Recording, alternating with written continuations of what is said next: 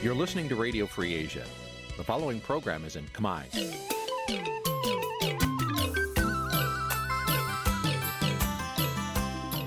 នេះជាកម្មវិធីផ្សាយ Vuthu Azizi Serai នេះជាកម្មវិធីផ្សាយរបស់ Vuthu Azizi Serai ជាភាសាខ្មែរ Vuthu Azizi Serai សូមស្វាគមន៍លោកអ្នកនាងទាំងអស់ពីរដ្ឋធានី Washington នៃសហរដ្ឋអាមេរិក ចាប់ពីរដ្ឋធានី Washington នាងខ្ញុំម៉ៃសុធានីសូមជម្រាបសួរលោកអ្នកស្ដាប់ទាំងអស់ជាទីមេត្រី ចាយើងខ្ញុំសូមជូនការផ្សាយសម្រាប់ព្រឹកថ្ងៃអាទិត្យ14កើតខែសុចឆ្នាំខាលចត្វាស័កពុទ្ធសករាជ2566ហើយដល់ត្រូវនឹងថ្ងៃទី9ខែតុលាគ្រិស្តសករាជ2022ជាកិច្ចចាប់ផ្ដើមនេះនាងខ្ញុំសូមអញ្ជើញលោកអ្នកនាងកញ្ញាស្ដាប់ព័ត៌មានប្រចាំថ្ងៃដែលមានមេត្តាដូចតទៅ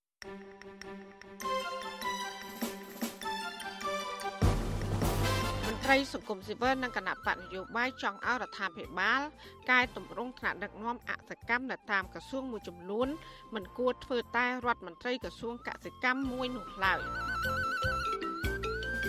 ជំទប់ទី2គណៈបកភ្លឹងទៀនរត់ភៀសខ្លួន ក្រោយត្រូវបានគេចោទថាបានទន្ទ្រានព្រៃតំបន់អារ៉ៃ បរដ្ឋនិងសង្គមស៊ីវិលស្នើអាជ្ញាធរទប់ស្កាត់ក្រុមហ៊ុនលបែងស៊ីសងខុសច្បាប់នៅកម្ពុជាស្ថានភាពរស់នៅដ៏លំបាករបស់គ្រួសារសកម្មជនបពប្រឆាំង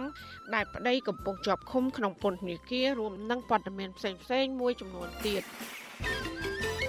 ចាជាបន្តទៅទៀតនេះនាងខ្ញុំម៉ៃសុធានីសូមជូនព័ត៌មានទាំងនោះពឺស្ដាប់ លោកដានៀងជាទីមេត្រីមន្ត្រីសង្គមស៊ីវិលនិងគណៈបកនយោបាយចង់អរដ្ឋាភិបាលកែតម្រង់ថ្នាក់ដឹកនាំអសកម្មនៅតាមក្រសួងមួយចំនួនទៀតដែលមិនគួរធ្វើតែលើរដ្ឋមន្ត្រីក្រសួងកសិកម្មតែមួយនោះឡើយការស្នើនេះធ្វើឡើងនៅបន្ទាប់ពី5ហាក្សត្រព្រះបរមនាថនរោត្តមសីហមុនីចេញបរិយាចក្រិតបញ្ចប់មុខតំណែងលោកវេងសខុនពីរដ្ឋមន្ត្រីក្រសួងកសិកម្មរុក្ខាប្រមាញ់និងនេសាទកាលពីថ្ងៃទី8ខែតុលាម្សិលមិញ ចាប់ពីរដ្ឋធានី Washington លោកសេកបណ្ឌិតរាជការព័ត៌មាននេះមន្ត្រីសង្គមស៊ីវិលនិងគណៈបកនយោបាយមួយចំនួនមិនចំទាស់ទៅនឹងការដកតំណែងលោកវែងសខុនរដ្ឋមន្ត្រីក្រសួងកសិកម្មនោះទេក៏ប៉ុន្តែពួកគេចង់ឃើញរដ្ឋាភិបាលធ្វើបែបនេះទៅលើមន្ត្រីជាន់ខ្ពស់នៅតាមបណ្ដាក្រសួងដទៃទៀតដែលអសកម្មឬមិនធ្វើការឆ្លើយតបទៅនឹងតម្រូវការចាំបាច់របស់ប្រជាពលរដ្ឋនិងសង្គមជាតិទាំងមូលនោះ ប្រធានសមាគមសម្ព័ន្ធសហគមន៍កសិករកម្ពុជាហៅកាត់ថា CCFC លោកថេងសាវឿនមានប្រសាសន៍ថាលោកមិនភ្ញាក់ផ្អើលអ្វីឡើយចំពោះរឿងដកតំណែងរដ្ឋមន្ត្រីក្រសួងកសិកម្មលោកវេងសខុនព្រោះលោកមើលឃើញថា សមត្ថភាពនៃការគ្រប់គ្រង និងភាពសកម្មចំពោះកិច្ចការអភិវឌ្ឍលើវិស័យកសិកម្មការប្រស័យតាក់ទងជាមួយនឹងប្រជាពលរដ្ឋកសិករការឆ្លើយតបចំពោះតម្រូវការចាំបាច់របស់កសិករ សម្រាប់រដ្ឋមន្ត្រីរូបនេះហាក់នៅមានកម្រិតនៅឡើយលោកបន្តថាលោកវែងសខុនធ្លាប់ត្រូវបានលោកនាយករដ្ឋមន្ត្រីហ៊ុនសែនព្រមមានជាសាធារណៈជារឿយរឿយរួចមកហើយចំពោះភាពអសកម្មទាំងនេះវាគូផ្សំទៅនឹងប្រជាពលរដ្ឋមួយចំនួន ជួបប្រឈមទៅនឹងបញ្ហាទីផ្សារហើយនឹងជួបប្រឈមខ្លាំងទៅលើបញ្ហាកសិកម្មតែម្ដងខ្វះទីផ្សារហើយកន្លែងខ្លះរងគ្រោះនៅគ្រោះទឹកចំនួនអីចឹងហ្នឹងมันមានអ្នកជួយចាត់ចែងក្នុងការផ្ដល់ពូជក្នុងការផ្ដល់បច្ចេកទេសគ្រប់គ្រងអីផ្សេងផ្សេងអញ្ចឹងបង្ហាញអំពីទំនួលខុសត្រូវនឹងការងារខុសត្រូវរបស់អាជ្ញាធរពិសេសគឺក្នុងនាមជាមន្ត្រីទទួលបន្ទុកក្នុងការដោះស្រាយបញ្ហារបស់កសិករហ្នឹង ត្រូវតែមានការទទួលខុសត្រូវហើយនឹងមានទំនួលខុសត្រូវខ្ពស់ដោយបង្ហាញនៅពីសមត្ថភាពហើយនឹងទេពកោសលនិងក៏ដូចជាយុទ្ធសាស្ត្រទីសាស្ត្រក្នុងការដោះស្រាយលោកបន្ថែមថា ក្រៅពីដកមុខតំណែងរដ្ឋមន្ត្រីរដ្ឋាភិបាលក៏គួរពិនិត្យមើលភាពអសកម្មរបស់មន្ត្រីមួយចំនួនផ្សេងទៀតនៅក្នុងក្រសួងកសិកម្មនេះផងដែរអឺជាមួយគ្នានេះដែរខ្ញុំគិតថាប្រមុខរដ្ឋាភិបាលគួរគិតពិនិត្យមើលទៅលើមន្ត្រីអ្នកនាំពាក្យ ក្រសួងកសិកម្មផងដែរដែលបច្ចុប្បន្នកន្លងមកនេះឃើញថាពិបាកក្នុងការធ្វើការទំនាក់ទំនងដោយសារព័ត៌មានឬក៏ជាដៃគូផ្សេងផ្សេងដែលបង្ហាញអំពីមិនសូវមានទំនួលខុសត្រូវនិងកិច្ចសហប្រតិការល្អក្នុងការឆ្លើយតបនៅពេលដែលប្រជាពលរដ្ឋក៏ដូចជាកសិករជួបនៅប្រឈមនឹងបញ្ហាតាក់ទងទៅនឹងផលប៉ះពាល់នៃវិបត្តិវិស័យកសិកម្មក្នុងប្រទេសកម្ពុជានោះទេបាទ មតិខ្លះទៀតបានដាក់ការសង្ស័យថាការដកដំណែងនៅពេលនេះអាចមកពីលោកនាយករដ្ឋមន្ត្រីហ៊ុនសែនមិនសប្បាយចិត្តនៅពេលប្រទេសកំពុងជួបនឹងគ្រោះទឹកជំនន់ដែលធ្វើឲ្យប៉ះពាល់ធ្ងន់ធ្ងរដល់វិស័យកសិកម្មតែបែរជាអវត្តមានរដ្ឋមន្ត្រីក្រសួងកសិកម្មមិនមានមុខនៅក្នុងប្រទេសដឹកនាំជួយដោះស្រាយបញ្ហានេះទៅវិញចំណែកលោកបណ្ឌិតយ៉ងសាកូម៉ា អ្នកជំនាញខាងកសិកម្មនិងជាមន្ត្រីជាន់ខ្ពស់នៃគណៈបកប្រជាធិបតេយ្យមូលដ្ឋានហៅកាត់ថា GDP ក៏មិនមានមតិរិះគន់ចំពោះការដកដំណែងនេះដែរក៏ប៉ុន្តែលោកថារដ្ឋាភិបាលក៏គួរតែពិនិត្យមើលពីភាពអសកម្មរបស់រដ្ឋមន្ត្រីឬមន្ត្រីនៅតាមក្រសួងផ្សេងផ្សេងទៀតផងដែរលោកបណ្ឌិតយ៉ងសង្គមាក៏មើលឃើញដែរថារដ្ឋមន្ត្រីក្រសួងកសិកម្មហាក់ពិបាកប្រស័យតាក់ទងគ្នា និងសហការជាមួយនឹងដៃគូពាក់ព័ន្ធទាំងគណៈបកនយោបាយនិងអង្គការសង្គមស៊ីវិលដែលធ្វើការនៅក្នុងវិស័យកសិកម្មនេះជាដើមបាទវាវាឆ្លោះបញ្ចាំងឋានភាពជាក់ស្ដែងហើយវាមិនមែនថាយើងនិយាយថាមិនក្រសួងកសិកម្មទេវាក្រសួងផ្សេងផ្សេងមិនខុសគ្នាមកដែរហ្នឹងគ្រាន់តែក្រសួងកសិកម្មហ្នឹងវាជាសួងមួយបើយើងគិតទៅក្នុងបរិបទកម្ពុជាវាសំខាន់មែនទែនណាទីមួយវាតកតងរឿងជីវភាពមនុស្សពាក្យច្រើនហើយនឹងតកតងនឹងសេដ្ឋកិច្ចតកតងអីហ្នឹងមក ប៉ុន្តែកន្លងមកកាលពីខ្ញុំនៅអ្នកដឹកនាំអង្គការសង្គមស៊ីវិលយើងធ្លាប់មានទំនាក់ទំនងច្រើនជាមួយរដ្ឋមន្ត្រីក្រសួងកសិកម្មមុនមុនណាបាទប៉ុន្តែតាំងពីលោកវិញខុនឡើងពីរដ្ឋមន្ត្រីក្រសួងកសិកម្មនោះគឺការទំនាក់ទំនងផ្ទាល់ចែកឲ្យជុំវិញបញ្ហាកសិកម្មនោះវាអត់មានទេបាទលោកបន្តថាចំពោះការងារដឹកនាំលើវិស័យកសិកម្មផ្ទាល់ក៏មានជួបបញ្ហាជាច្រើនដែលធ្វើឲ្យពលរដ្ឋមិនសប្បាយចិត្តជាពិសេស លោកនាយករដ្ឋមន្ត្រីផ្ទាល់តែម្ដងវិទ្យុអាស៊ីសេរីនៅពុំទាន់អាចតតងលោកវែងសខុនអតីតរដ្ឋមន្ត្រីក្រសួងកសិកម្មដើម្បីសូមការបកស្រាយបញ្ជាក់អំពីបញ្ហានេះបាននៅឡើយទេ កាលពីយប់ថ្ងៃទី8ខែតុលាលោកនាយករដ្ឋមន្ត្រីហ៊ុនសែនបានចេញសេចក្តីសម្រេចមួយចាត់តាំងឲ្យលោកអូនពាន់មនីរតរដ្ឋមន្ត្រីក្រសួងសេដ្ឋកិច្ចនិងហិរញ្ញវត្ថុឲ្យទៅធ្វើជារដ្ឋមន្ត្រីស្ដីទីនៃក្រសួងកសិកម្មរុក្ខាប្រមាញ់និងនេសាទភ្លាមភ្លាម បន្ថែមពីលើមុខងារបច្ចុប្បន្នសេចក្តីសម្រេចរបស់លោកហ៊ុនសែនធ្វើឡើងបន្ទាប់ពីព្រះមហាក្សត្រព្រះបរមនាថនរោត្តមសីហមុនី បានចេញព្រះរាជក្រឹត្យបញ្ចប់មុខតំណែងលោកវែងសខុនពីរដ្ឋមន្ត្រីក្រសួងកសិកម្មរុក្ខាប្រមាញ់និងនេសាទនៅថ្ងៃជាមួយគ្នានេះ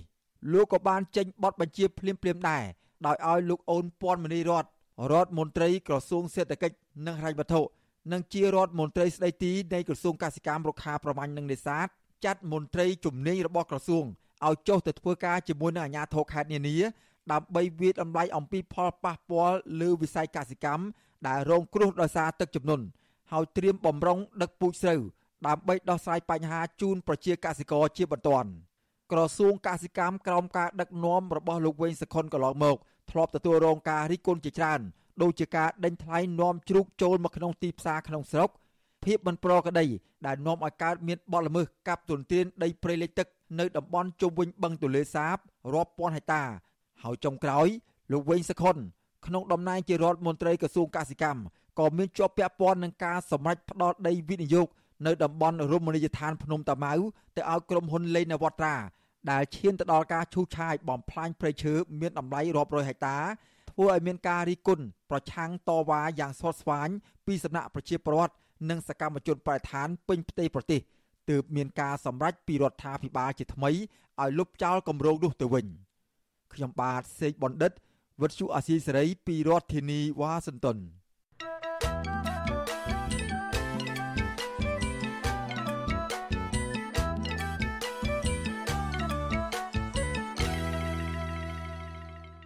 លោកអ្នកស្ដាប់ទទីមេត្រីប្រពន្ធសកម្មជនគណបកភ្លើងទៀន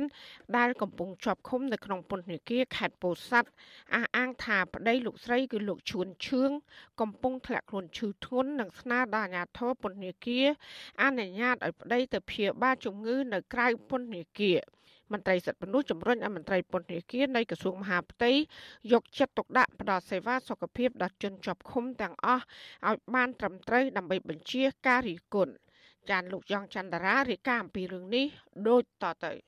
ប្រពន្ធនិងកូនកូនសកម្មជនគណៈបកភ្លើងទៀនខេត្តពោធិ៍សាត់ព្រួយបារម្ភអំពីស្ថានភាពជំងឺរបស់លោកឈួនឈឿងថាអាចនឹងមានបញ្ហាធ្ងន់ធ្ងរថែមទៀតប្រសិនបើមិនបានព្យាបាលឲ្យត្រឹមត្រូវទេនោះទន្ទឹមនឹងនេះពួកគេស្នើដល់តុលាការទម្លាក់ចោលការចាប់ប្រកាន់ហើយដោះលែងមេគ្រួសារឲ្យមានសេរីភាពឡើងវិញ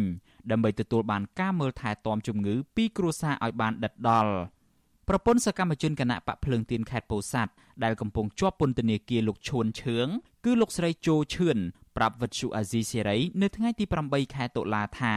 លោកស្រីឈឺចាប់ពេលប្តីមានបញ្ហាសុខភាពរាងកាយស្គមស្គាំងបណ្ដាលមកពីជំងឺរបេងជំងឺតេតាណូសនិងអំបែងគ្រាប់ជាប់នឹងខ្លួន ដែលសល់តាំងពីសម័យសង្គ្រាមបានធ្វើទុកហើយសម្រានពំលក់ដោយសារឈឺចុកចាប់និងពិបាកអង្គុយជាដើមលោកស្រីឲ្យដឹងទៀតថា គ្រូពេទ្យនៅក្នុងពន្ធនាគារបានផ្ដល់ថ្នាំព្យាបាលមួយចំនួនដែរក៏ប៉ុន្តែស្ថានភាពជំងឺមិនថមថយនោះទេលោកស្រីស្នើសុំឲ្យអាជ្ញាធរពាក់ព័ន្ធជួយអន្តរាគមន៍អនុញ្ញាតឲ្យប្តីលោកស្រីទៅពិនិត្យនិងព្យាបាលជំងឺនៅមន្ទីរពេទ្យខាងក្រៅពន្ធនាគារឲ្យបានឆាប់រហ័សប្រពន្ធសកម្មជនគណៈបកភ្លើងទៀនរូបនេះអះអាងថាប្តីលោកស្រីគឺជាមនុស្សល្អ ដែលតែងតែជួយការងារសង្គមនិងទទួលបានការគោរពស្រឡាញ់ពីប្រជាពលរដ្ឋដែលមិនគួររងទុក្ខវេទនានិងរងភាពអយុត្តិធម៌ដូចនេះទេមានអារម្មណ៍ថាដូចតែភ័យខ្លាចខ្លាចលោកគាត់ចុកឈឺទៅមានការមិនអីច្បាឯងគាត់ដែរហ្នឹង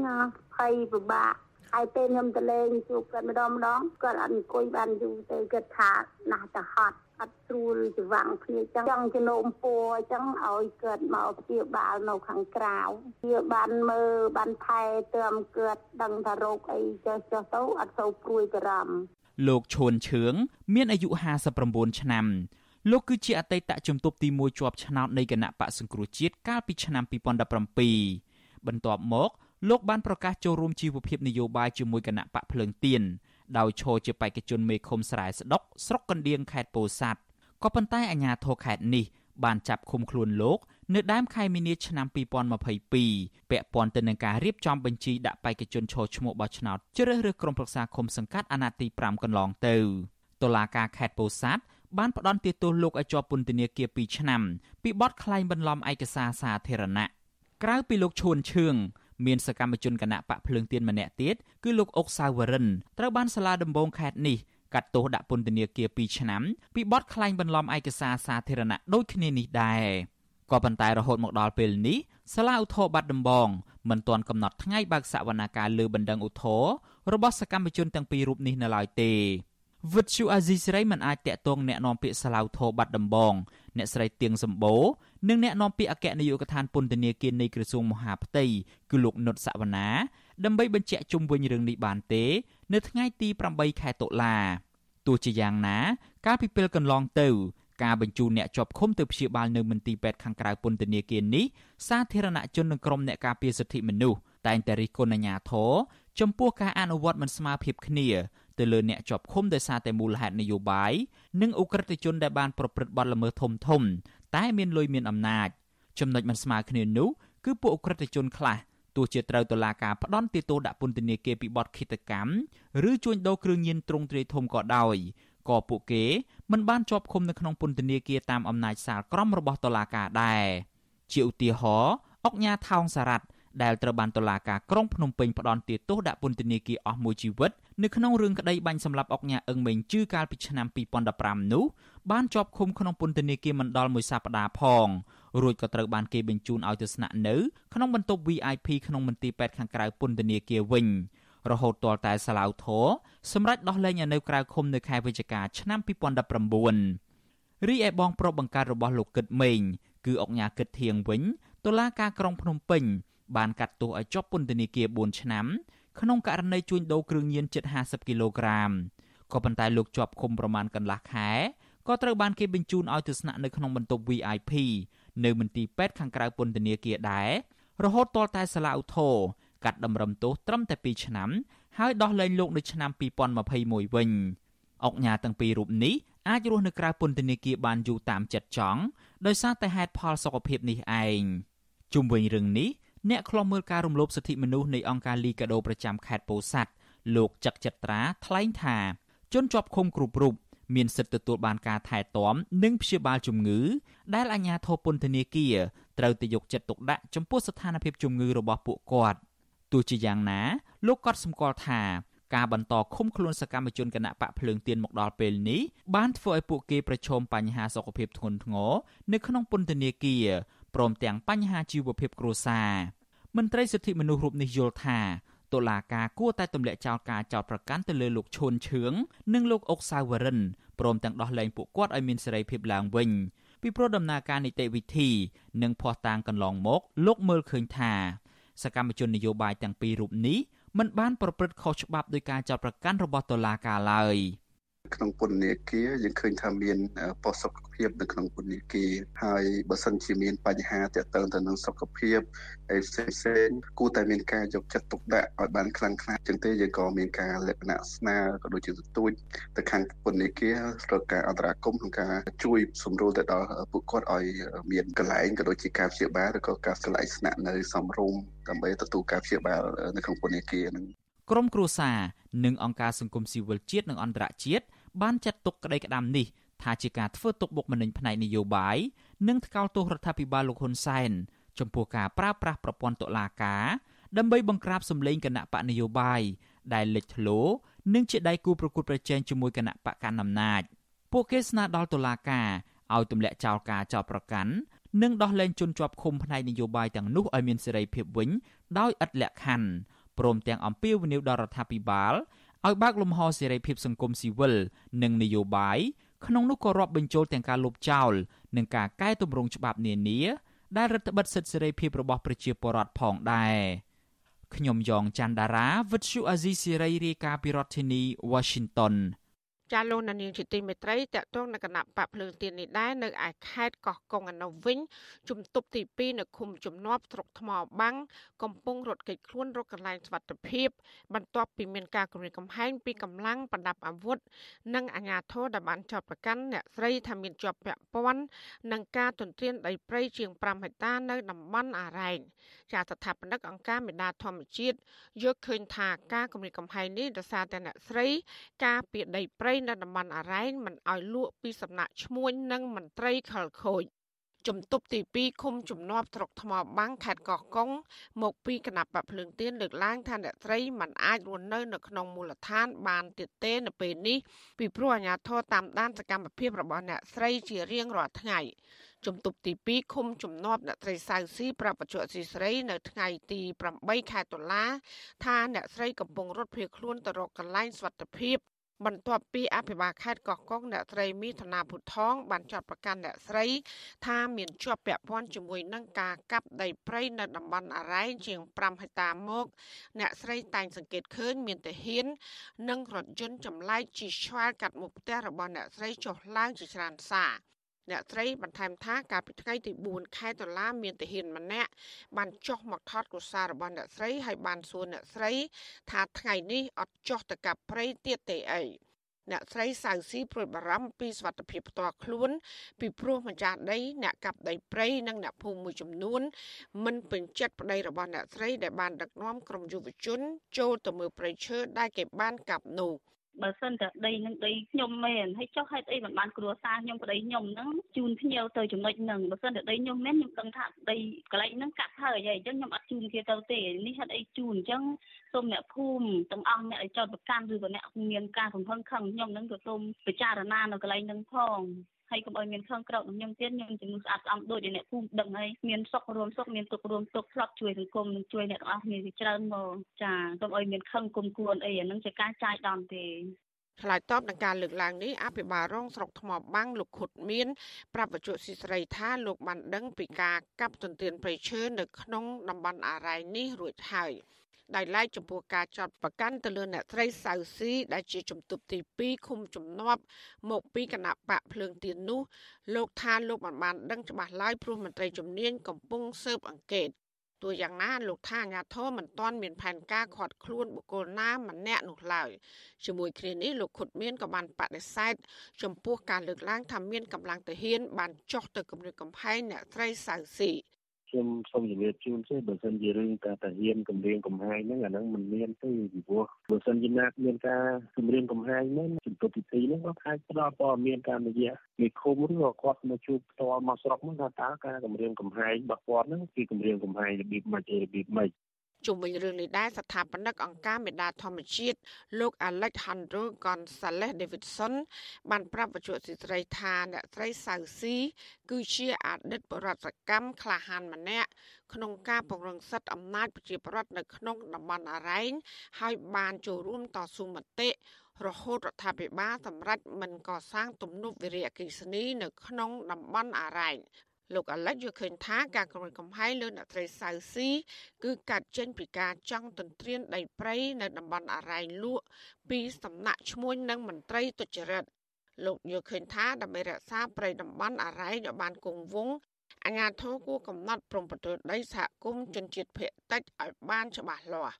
មុននឹងអនុវត្តច្បាប់តឹងរឹងមុននឹងចាប់ប្រកាន់មុននឹងចាប់ដាក់គុកអីហ្នឹងសូមឲ្យរដ្ឋអំណាចហ្នឹងគឺច្បាស់ផងក្រោយពីរដ្ឋអំណាចច្បាស់សូមឲ្យបោះបង្គោលនៅតំបន់អរ៉ែងដើម្បីឲ្យប្រជាជនមូលដ្ឋានដឹងច្បាស់ថាដីណាដែលអាចចាប់បានដីណាជាដីឯកជនដីណាដែលជាដីរដ្ឋយើងប៉ះមិនបានព្រោះរងហើយវាអត់មានបង្គោលអត់មានព្រមទល់អាហ្នឹងគឺស្រួលលាយឡំគ្នាហើយស្រួលគប់កាត់គ្នាអញ្ចឹងទៅហើយដំណោះស្រាយមួយទៀតហ្នឹងគឺបើសិនជាអាជ្ញាធរឬក៏ព្រះរាជអាជ្ញាឬក៏អីហ្នឹងឃើញច្បាស់ថាកាប់ឈើខុសច្បាប់មែនអាហ្នឹងគឺចាត់វិធានការទៅប៉ុន្តែគុំទៅចាត់វិធានការទៅលើអ្នកស្រឡាញ់គណៈបកផ្សេងឬក៏គុំទៅចាត់វិធានការទៅលើអ្នកដែលចង់ការពារប្រយោជន៍រួមអាហ្នឹងវាអត់សមណាអ្នកស្រីសៅស៊ីគឺជាសកម្មជនដ៏សកម្មដែលបានចូលរួមការពារតំបន់អរ៉ែងពីគម្រោងកសាងវិរិយអគិសនី នៅក្នុងតំបន់អរ៉ែងកន្លងមក អ្នកស្រីបានចូលរួមជីវភាពនយោបាយជាមួយគណៈបកភ្លើងទៀនកាលពីឆ្នាំ2022កន្លងទៅ ហើយក៏បានជាប់ជាជំទប់ទី2នៅឃុំជំនាប់អ្នកស្រីក៏តែងតែរងការរើសអើងពីសំណាក់ក្រុមប្រឹក្សាឃុំនិងបរដ្ឋមួយចំនួននៅក្នុងមូលដ្ឋានដោយសារតែអ្នកស្រីចង់ការពារប្រៃឈើនៅតំបន់អរ៉ែងឲ្យបានគង់វង្សនិងមិនគ្រប់គ្រងចំពោះការកាប់ទន្ទ្រានដីព្រៃដើម្បីលក់នោះឡើយកន្លងមកអង្គការសង្គមស៊ីវិលជាតិនិងអន្តរជាតិតែងតែលើកឡើងថាសកម្មជនគណៈបកភ្លើងទៀនតែងតែទទួលរងនឹងការចាប់ប្រកាន់ពីសំណាក់អាជ្ញាធរមូលដ្ឋាននិងតុលាការហើយរហូតត្រូវបានអាជ្ញាធរឃាត់ខ្លួននិងចាប់ដាក់ពន្ធនាគារដោយអយុត្តិធម៌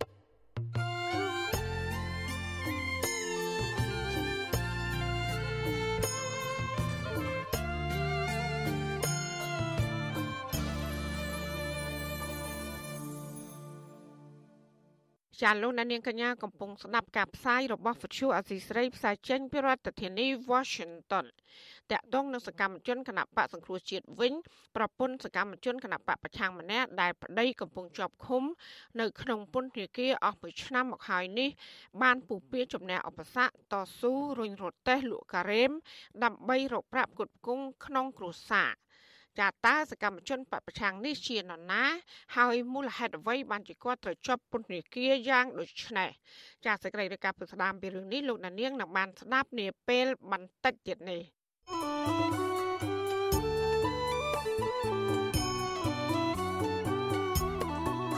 ចាលោកនាងជាទីមេត្រីក្រោយទៅពីការស្ដាប់ការផ្សាយរបស់វិទ្យុអស៊ីសេរីតាមបណ្ដាញសង្គម Facebook និង YouTube លោកដានៀងកញ្ញាក៏អាចស្ដាប់ការផ្សាយរបស់យើង តាមរយៈរលក ធាតុអាកាសខ្លីឬ short wave ដូចតទៅចាប់ពីព្រឹកចាប់ពីម៉ោង5កន្លះដល់ម៉ោង6កន្លះគឺតាមរយៈរលកធាតុអាកាសខ្លី12140 kHz ស្មើនឹងកម្ពស់ 25m និង13715 kHz ស្មើនឹងកម្ពស់ 22m ចាសម្រាប់ពេលយប់វិញគឺចាប់ពីម៉ោង7កន្លះដល់ម៉ោង8កន្លះ គឺតាមរយៈរលកធាតុអាកាសខ្លី9960 kHz ស្មើនឹងកម្ពស់30ម៉ែត្រ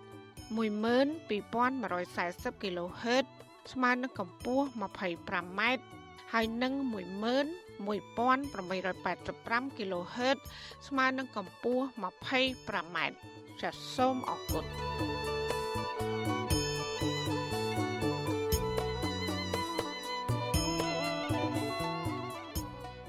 ចាលោកអ្នកស្ដាប់យុតិមេត្រីមន្ត្រីអង្គការសង្គមស៊ីវិលជំរុញរដ្ឋាភិបាលឯកបៈផ្សព្វផ្សាយរបាយការណ៍ស្ដីពីអក្រិតកម្មជួញដូរមនុស្សប្រកបដោយតម្លាភាព និងទូលំទូលាយដើម្បីជាប្រយោជន៍ជាតិការជំរុញនេះធ្វើឡើងនៅបន្ទាប់ពីរដ្ឋាភិបាល បានចេញរបាយការណ៍ថាសមត្ថកិច្ចបានជួយសង្គ្រោះជនបរទេសចំនួនជាង500នាក់បន្ថែមទៀតចេញពីការជួញដូរមនុស្សនិងនៅកន្លែងបង្ខាំងមនុស្សខុសច្បាប់នៅកម្ពុជា ប៉ុន្តែរដ្ឋាភិបាលមិនបានបញ្ជាក់អំពីទីតាំងជាក់លាក់នៃការជួយសង្គ្រោះជនបរទេសទាំងនោះឡើយចានេះគឺជាសេចក្តីរាយការណ៍របស់លោកជាតិចំណានជំវិញព័ត៌មាននេះមន្ត្រីអង្គការសង្គមស៊ីវិលលើកឡើងថាការរដ្ឋបិទឬការលាក់បាំងព័ត៌មានអំពីអក្រិតកម្មជួញដូរមនុស្សពីសំណាក់រដ្ឋាភិបាលលោកហ៊ុនសែនគឺជាហេតុនាំឲ្យមហាជននិងសហគមន៍អន្តរជាតិមានមន្ទិលសង្ស័យថាការអនុវត្តច្បាប់លើក្រុមអក្រិតជនគ្មានប្រសិទ្ធភាពនាយកទទួលបន្ទុកកិច្ចការទូតនៃអង្គការលីកាដូលោកអំសំអាត ប្រាប់វិសុអេស៊ីសរ៉ៃនៅថ្ងៃទី8ខែតុលាថាការបង្ក្រាបរបស់អាជ្ញាធរលើទីតាំងក្រុមអក្រិតជនជួញដូរមនុស្សនេះរដ្ឋាភិបាលគួរតែបង្ហាញរបាយការណ៍ប្រកបដោយតម្លាភាពដើម្បីឲ្យមហាជននិងអន្តរជាតិមានទំនុកចិត្តក្នុងការផ្តល់ព័ត៌មានបន្ថែមដើម្បីប្រយុទ្ធប្រឆាំងអំពើជួញដូរមនុស្សនេះ។ សាធារណជននឹងបានដឹងថាតើទីតាំងណាខ្លះដែលពាក់ព័ន្ធជាមួយនឹងការជួញដូរមនុស្សនឹងដើម្បីឲ្យពលរដ្ឋនឹងអាចតាមមើលថាទីតាំងនោះត្រូវបានបិទឬមិនបិទហើយបើសិនជាមិនបិទទេវាអាចនឹងមានករណីនឹងបន្តទៅទៀតឬក៏អាចឲ្យប្រជាពលរដ្ឋឬក៏ជនបរទេសនឹងគាត់អាចដឹងបើសិនជាឈ្មោះទីតាំងឬឈ្មោះក្រុមហ៊ុននឹងកន្លែងណាទៀតគាត់នឹងពិចារណាដើម្បីកុំឲ្យមានការចាញ់បោកការបង្ក្រាបជាស្នាដៃរដ្ឋាភិបាលហើយប៉ុន្តែរបាយការណ៍បង្ហាញអំពីតម្លាភាពវាជារឿងសំខាន់សម្រាប់ក្នុងការទប់ស្កាត់ឬបង្ការទៅថ្ងៃក្រោយទៀតប្រតិកម្មរបស់មន្ត្រីសង្គមស៊ីវិលបែបនេះធ្វើឡើងក្រោយពេលដែលអាជ្ញាធរអះអាងថាចាប់តាំងពីថ្ងៃទី18ខែសីហាដល់ថ្ងៃទី7ខែតុលាសមត្ថកិច្ចទទួលបានបណ្ដឹងជាង400ករណីដែលក្នុងនោះមានមនុស្សសរុបជាង1000នាក់ក្នុងនោះក្រុមអក្រិតជនធ្វើសកម្មភាពនៅខេត្តប្រសេអនុច្រើនជាងគេដែលមានជាង200ករណីជាមួយគ្នានេះសមត្ថកិច្ចបានជួយសង្គ្រោះជនបរទេសចេញពីកន្លែងជួញដូរមនុស្ស និងបង្ខាំងមនុស្សខុសច្បាប់បានជាង500នាក់និងឃាត់ខ្លួនជនសង្ស័យជាជនជាតិចិនខ្មែរនិងវៀតណាមសរុបជាង100នាក់ជនរងគ្រោះដែលសមត្ថកិច្ចជួយសង្គ្រោះកន្លងមករួមមានជនជាតិឥណ្ឌូនេស៊ីវៀតណាមថៃម៉ាឡេស៊ីចិនប៉ាគីស្ថានឥណ្ឌាមីយ៉ាន់ម៉ាហ្វីលីពីនទួរគីអាមេរិកអង់គ្លេសនិងកូរ៉េខាងត្បូងជាដើមក្រសួងមហាផ្ទៃមិនបានបញ្ជាក់ឈ្មោះទីតាំងភូមិសាស្ត្រឬក្រុមហ៊ុនណាមួយដែលសមត្ថកិច្ចបានជួយសង្គ្រោះជនរងគ្រោះចេញពីកន្លែងជួញដូរមនុស្ស និងបង្ខាំងមនុស្សខុសច្បាប់នៅឡើយទេវិសុវអស៊ីសេរីមិនអាចតកតងแนะនាំពាក្យក្រសួងមហាផ្ទៃលោកខៀវសុភ័ក្រនិងអនុប្រធានអចិន្ត្រៃយ៍នៃគណៈកម្មាធិការជាតិប្រយុទ្ធប្រឆាំងអំពើជួញដូរមនុស្សអ្នកស្រីជូប៊ុនអេងដើម្បីសុំការបញ្ជាក់បន្ថែមជុំវិញរបាយការណ៍នេះបានទេនៅថ្ងៃទី7និងថ្ងៃទី8ខែតុលាទោះជាយ៉ាងណាក៏ដោយបើតាមរបាយការណ៍នានាដែលបានរាយការណ៍កន្លងមកឧក្រិដ្ឋកម្មជួញដូរមនុស្សនិងបង្ខាំងមនុស្សដែលខុសច្បាប់នេះភាគច្រើនកើតមានឡើងតាមតំបន់អភិវឌ្ឍដោយជនជាតិចិនដូចជានៅខេត្តប្រសេអនុខេត្តស្វាយរៀងខេត្តពោធិ៍សាត់ ក្រុងប៉ោយប៉ែតខេត្តកណ្ដាលនិងរាជធានីភ្នំពេញជាដើមថ្មីថ្មីនេះបុគ្គលិកធ្វើការងារនៅមជ្ឈមណ្ឌលទីក្រុងហេងហេងនៅក្នុងក្រុងបាវិតខេត្តស្វាយរៀងក៏បានទម្លាយប្រាប់វិសុអស៊ីសេរីឲ្យដឹងដែរថាមានជនបរទេសរាប់រយនាក់កំពុងរងចាំការជួយសង្គ្រោះពួកគេចេញពីបរិវេណអគារធ្វើទរណកម្មនិងកន្លែងការងារឆបោកតាមប្រព័ន្ធអនឡាញតើតើនៅរឿងនេះដែរប្រធានសមាគមការពារសិទ្ធិមនុស្សអត់ហុកលោកនេះសុខាមានប្រសាសន៍ថាអំពើជួញដូរមនុស្សនេះបានរំលោភបំពានសិទ្ធិមនុស្ស និងធ្វើឲ្យអាប់អោនមុខមាត់របស់កម្ពុជាធ្ងន់ធ្ងរ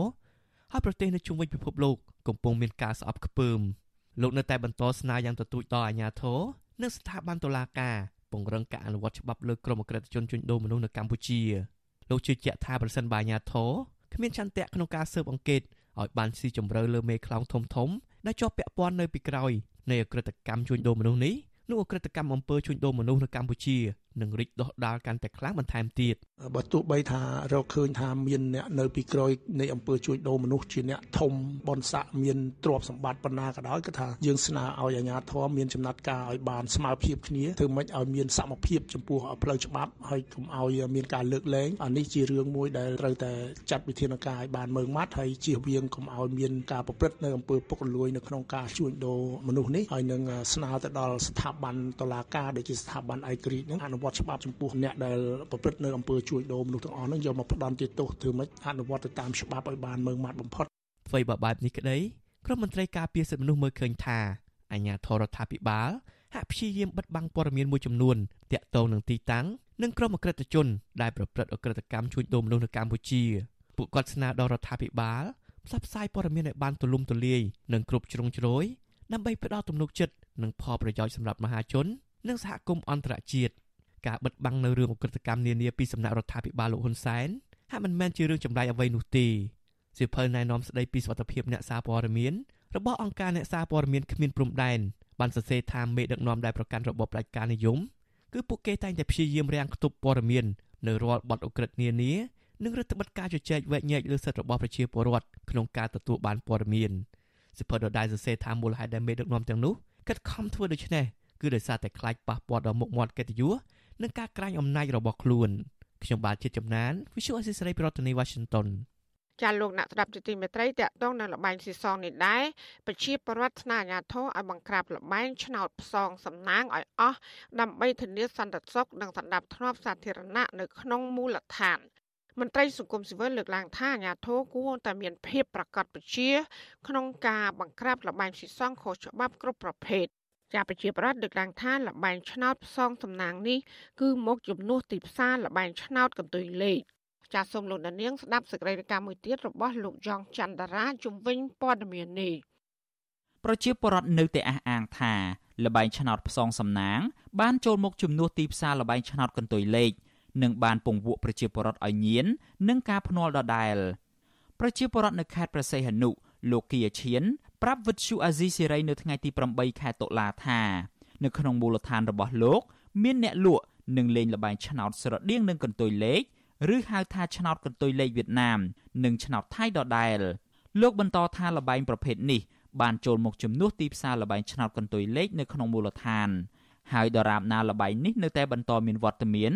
នោះនឹងបណ្ដាលឲ្យមានអសន្តិសុខសណ្ដាប់ធ្នាប់ជាពិសេសចោរកម្មនៅតែកើតមានឡើងលោកស្នើឲ្យអាជ្ញាធរចេញប្រតិបត្តិការបោសសម្អាតលបែងដែលនៅសេសសល់ឲ្យអស់ទៅតាមការបញ្ជារបស់លោកហ៊ុនសែននិងបំណងប្រាថ្នារបស់ប្រជាពលរដ្ឋតែបើកើតអាហ្នឹងទៅវាកើតចោលកើតអីតាមភូមិឥឡូវសំបីតែខ្សែភ្លើងក៏លួចកាត់របាយការណ៍របស់អគ្គលេខាធិការដ្ឋាននៃគណៈកម្មការគ្រប់គ្រងលបែងពាណិជ្ជកម្មកម្ពុជា កាលពីថ្ងៃទី22ខែកញ្ញាឲ្យដឹងថាគ ណៈកម្មការមួយនេះបានផ្ដល់អាជ្ញាប័ណ្ណឲ្យក្រុមហ៊ុនកាស៊ីណូចំនួន25និងក្រុមហ៊ុនលបែងផ្សងសំណាងចំនួន4ទោះជាយ៉ាងនេះក្តីក៏មានក្រុមហ៊ុនលបែងមួយចំនួនទៀតមិនមានឈ្មោះក្នុងបញ្ជីរបស់គណៈកម្មការគ្រប់គ្រងលបែងពាណិជ្ជកម្មឡើយក្រុមហ៊ុនទាំងនោះកំពុងដំណើរការអាជីវកម្មដោយមានភ្នាក់ងារចែកចាយលក់បន្តតាមសាខា និងនៅលើបណ្ដាញសង្គមផងដែរទោះជាយ៉ាងណា ប្រជាពលរដ្ឋនិងសង្គមស៊ីវិលនៅតែមើលឃើញថាលបែងប្រភេទនេះមានភាពដូចគ្នានឹងបានចូលមកជំនួសទីផ្សារលបែងឆ្នោតកន្ទុយលេខវៀតណាមនិងឆ្នោតថៃដែលអាជ្ញាធរទើបបង្ក្រាបថ្មីថ្មីនេះវិទ្យុអាស៊ីសេរីមិនអាចតាក់ទងแนะនាំពាក្យក្រសួងមហាផ្ទៃលោកខៀវសុភ័ក្រដើម្បីឆ្លើយតបជុំវិញរឿងនេះបានទេ នៅថ្ងៃទី8ខែតុលាក៏ប៉ុន្តែអគ្គលេខាធិការ នៃគណៈកម្មការគ្រប់គ្រងលបែងពាណិជ្ជកម្មកម្ពុជាគឺលោករស់ភិរុនប្រាប់វិទ្យុអាស៊ីសេរីថាក្រុមហ៊ុនលបែងផ្សងសំណាងដែលធ្លាប់បានចុះបញ្ជីជាមួយក្រសួងសេដ្ឋកិច្ចអាចដាក់ពាក្យសុំបន្តសុពលភាពអាជ្ញាប័ណ្ណពីគណៈកម្មការមួយនេះបានលោកបន្ថែមថាក្រុមហ៊ុននីមួយៗដែលមានអាជ្ញាប័ណ្ណអាចបង្កើតសាខារបស់ខ្លួនបាន ទៅតាមតម្រូវការដោយគណៈកម្មការបានអនុញ្ញាតឲ្យមានសាខាចំនួន8រួចមកហើយ។ វេទិកាគោលបាយវិជ្ជកម្មហ្នឹងគឺទើបតែដាក់ឲ្យអនុវត្តហ្នឹងគឺទៅឆ្នាំ2020ដែរហើយស្ថាប័ននេះទើបរៀបចំឲ្យ2021ហើយកិច្ចដំណើរការរបស់យើងទៅឆ្នាំ2022នេះតែម្ដងចឹងហើយនៅទៀមទាពេលវេលាដើម្បីរៀបចំគ្រប់គ្រងឲ្យបានល្អប្រសើរជាងនោះទៀតតែផងដែរបាទរបាយការណ៍របស់ក្រសួងមហាផ្ទៃបង្ហាញថាគណៈកម្មាធិការជាតិប្រយុទ្ធប្រឆាំងអំពើជួញដូរមនុស្សបានធ្វើការបង្ក្រាបទៅលើការជួញដូរមនុស្សដោយបានរកឃើញទីតាំងសង្ស័យថាមានលបែងស៊ីសងខុសច្បាប់ចំនួនជិត10000ទីតាំង នៅក្នុងនោះមានតែ116ទីតាំងប៉ុណ្ណោះដែលត្រូវបានបង្ក្រាបនិងកសាងសំណុំរឿងបញ្ជូនទៅកាន់តុលាការតែកតិនទៅនឹងរឿងនេះប្រធានមជ្ឈមណ្ឌលប្រជាប្រដ្ឋដើម្បីអភិវឌ្ឍនិងសន្តិភាពលោកយងកំឯងមានប្រសាសន៍ថាក្រសួងមហាផ្ទៃគួរតែចាត់វិធានការបិទលបែងស៊ីសងខុសច្បាប់គ្រប់ប្រភេទជាពិសេសនៅតាមមូលដ្ឋាន ដើម្បីបញ្ជាប្រជាពលរដ្ឋមិនឲ្យលេងលបែងទាំងនោះលោកបន្តថាបើលបែងទាំងនេះនៅតែមានវត្តមានបន្តទៀតនោះប្រជាពលរដ្ឋនឹងក្លាយជាជនរងគ្រោះ ដោយសារតែការលេងល្បែងរហូតដល់ញៀនខាតបង់ប្រាក់កាសពេលវេលា និងធ្វើឲ្យជីវភាពរបស់ពួកគាត់កាន់តែក្រីក្រ ដើម្បីជួយមួយផ្នែកដើម្បីកុំឲ្យរដ្ឋហាត់បងថវិកាច្រើនទៅលើរឿងដោះស្រាយបញ្ហាភាពក្រីក្រនេះគឺយើងបិទលបែងស៊ីសំបិទអីហ្នឹងអាហ្នឹងអាចធ្វើឲ្យជីវរដ្ឋហ្នឹងអាចសល់លុយសល់កាក់មួយចំនួនដែរកាលពីខែកញ្ញាកន្លងទៅរដ្ឋមន្ត្រីក្រសួងមហាផ្ទៃលោកសខេងបានចាត់តាំងរដ្ឋលេខាធិការម្នាក់គឺលោកសុកផល ដើម្បីដឹកនាំក្រុមការងារចុះបង្ក្រាបលបែងស៊ីសងគ្រប់ប្រភេទនៅទូទាំងប្រទេសជាមួយគ្នានោះដែរលោកនាយករដ្ឋមន្ត្រីហ៊ុនសែន បានបង្ហោះសារសម្លេងនៅលើទំព័រ Facebook ផ្លូវការរបស់លោកដោយបញ្ជាទៅកាន់មន្ត្រីថ្នាក់ក្រោមជាតិនិងអាជ្ញាធរពាក់ព័ន្ធឲ្យបង្ក្រាបឲ្យអស់នៅលបែងស៊ីសងខុសច្បាប់លើសពីនេះទៅទៀតលោកថែមទាំងប្រមានថានឹងដកតំណែងរាល់មន្ត្រីណា ដែលជាប់ពាក់ព័ន្ធឬប្រព្រឹត្តអំពើពុករលួយជាមួយម្ចាស់បនលបែងទៀតផងក៏ប៉ុន្តែនៅតាមមូលដ្ឋានមួយចំនួន នៅតែបន្តមានការលេងល្បែងជាពិសេសឆ្នោតវៀតណាម និងឆ្នោតក្រុមហ៊ុនដោយលួចលាក់ ឬក៏ចំហគណៈប្រជាពលរដ្ឋចោទថាអាញាធរគឺជាអ្នកបើកដៃឲ្យធ្វើសកម្មភាពទាំងនោះខ្ញុំយ៉ងច័ន្ទដារាវិទ្យុអាស៊ីសេរីរាយការណ៍ពីរដ្ឋធានី Washington ចាលោកនាងជាទីមេត្រីវិទ្យុអាស៊ីសេរីសូមជូនដំណឹងថាយើងគ្មានអ្នកយកព័ត៌មានប្រចាំនៅប្រទេសកម្ពុជានោះឡើយបើសិនជាមានជនណាម្នាក់អះអាងថាជាអ្នកយកព័ត៌មានឲ្យវិទ្យុអាស៊ីសេរីនៅកម្ពុជានោះ គឺជាការក្លែងបន្លំយកឈ្មោះរបស់វិទ្យុអស៊ីសេរី ក្នុងគោលបំណងទុច្ចរិតរបស់បុគ្គលនោះចាសសូមអរគុណ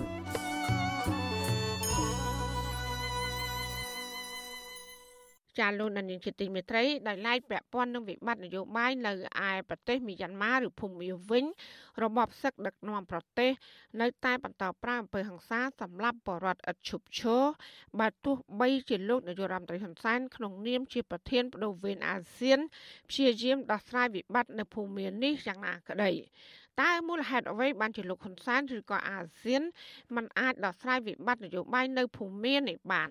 ចាសសេចក្តីនៃការពិស្ដារអំពីរឿងនេះលោកណានៀងក៏នឹងបានស្ដាប់នាពេលបន្តិចទៀតនេះចាសសូមអរគុណ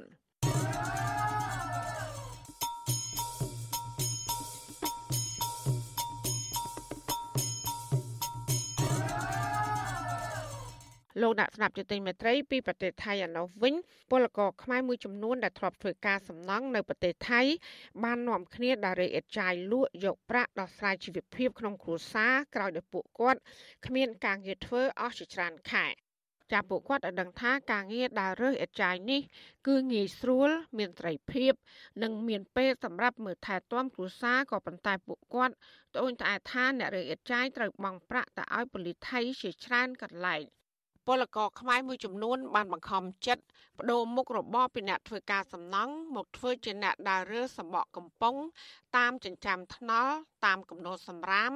ដើម្បីយកទៅលក់រកប្រាក់មកចិញ្ចឹមគ្រួសារពួកគាត់ចាប់យកការងារនេះដោយសារពួកគាត់ពិបាករកការងារធ្វើ ហើយកន្លែងដែលធ្លាប់ជួបពួកគាត់ពីមុនឥឡូវគេលែងទទួលពួកគាត់ឲ្យធ្វើការទៀតហើយពលករខ្មែរដើររើអេតចាយនៅទីក្រុងបាងកក រស់នៅប្រទេសថៃ5ឆ្នាំលោកច័ន្ទថា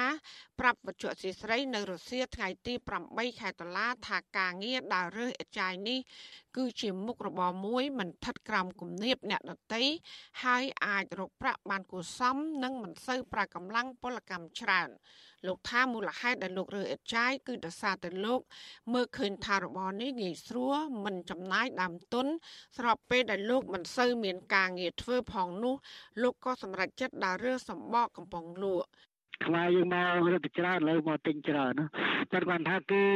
ដូចថាទិញច្រើនមិនអស់លុយច្រើនណាចាយគាត់ថាយើងបងទៅរត់គេវាច្រើននុយពេកអញ្ចឹងអូបងឲ្យគេច្រើនអូយបងតាមខែមួយខែអញ្ចឹងម្នាក់ចូល4000 5000ឥឡូវក្នុងម្នាក់បាទយើងបងឲ្យគេបានយើងរកបានព្រោះអាជីពហ្នឹងគេមិនឲ្យយើងរកទេអាជីពអិសរៈខ្លួនឯងហ្នឹងក៏ឲ្យយើងរកទេ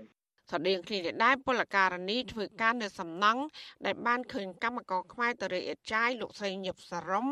បានប្រាប់ថាពីមុនមកកម្មករខ្មែរធ្វើការសំណង់នៅតាមការដ្ឋានផ្សេងផ្សេងក្នុងក្រុងបាងកកជាមួយលោកស្រីប្រមាណជិត100នាក់ដោយសារតែថៃកែមិនបានបើកប្រាក់ខែឲ្យពួកគាត់ក៏ឈប់ធ្វើការហើយមានអ្នកខ្លះក៏បានដើររើអេតចាយលក់យកប្រាក់មកដោះទាល់មួយគ្រាសិន តកែរត់ចោលកូនងានទាំងជប់មិនដឹងទៅទៅណាដល់ពេលទៅពេលបើកលុយដល់ពេលកូនងាននៅហងលងក៏កូនងាននឹងវាមានខ្សែខ្លះទៀកទួងទៅខាងតកែខ្លះរើអ៊ីតចាយអ៊ីតអ៊ីតទៅក៏យ៉ាយទៅកន្លែងតកែនឹងទៅធ្វើការរើខែអត់បើកឲ្យគ្នាហើយរត់ចោលគ្នាទៀតបច្ចុប្បន្នស៊ីស្រីមិនអាចតតងសុំការអធិប្បាយជុំវិញបញ្ហានេះពីស្ថានទូតកម្ពុជាប្រចាំប្រទេសថៃបានទេ នៅថ្ងៃទី8ខែតុលាដោយសារទូរស័ព្ទហៅចូលច្រើនដង តែពុំមានអ្នកទទួល ជុំវិញរឿងនេះដែរប្រធានផ្នែកបញ្យុទ្ធប្រឆាំងការជួញដូរមនុស្សនិងទេសនប្រវេសនៃអង្គការសង្ត្រាល់លោកឌីថេហូយ៉ាលើកឡើងថា ពលករខ្មែរដែលធ្វើការក្នុងប្រទេសថៃហើយគ្មានការងារធ្វើបែរនាំគ្នាដើររើអិតចាយដើម្បីដោះស្រាយជីវភាពគ្រួសារអាចធ្វើឲ្យប៉ះពាល់ដល់សេដ្ឋកិច្ចគ្រួសាររបស់ពួកគាត់នៅក្នុងរយៈពេលវែងដោយសារតែកូនចៅពួកគាត់ត្រូវទៅរើអិតចាយដែរហើយបាត់បង់ឱកាសសិក្សារបស់ក្មេង។ រយៈពេលវែងមានថាអាវត្តដាក់នៃការវល់វល់របៀបចំណាក់ស្រុកទៅធ្វើការងារបែបហ្នឹងហ្នឹងគឺតកូនតចៅឲ្យច្រើនអញ្ចឹងហើយនេះគឺជាបញ្ហាប្រឈមហើយមួយទៀតវាបង្ហាញនៅកិត្តស័ព្ទរបស់ជាតិនឹងមុខមាត់របស់ជាតិនឹងមើលឃើញថាជាជាតិសាសន៍មួយដែលអន់ថយយើងទៅធ្វើការងារឬមួយទៅធ្វើកិច្ចការងារបែបហ្នឹងវាมันឆ្លោះប្រចាំងពីប្រទេសដែលមានការគ្រប់គ្រងល្អ ពលករខ្មែរដែលដើររើអេចាយនៅទីក្រុងបាងកកឲ្យដឹងថាមានពលករខ្មែរដែលគ្មានការងារធ្វើហើយនាំគ្នាដើររើអេចាយនោះ គឺមានជាង100នាក់ក្នុងមួយថ្ងៃមួយថ្ងៃពួកគាត់រកប្រាក់បានប្រមាណជា500ទៅ600បាតដែលស្មើនឹង12ទៅ15ដុល្លារអាមេរិក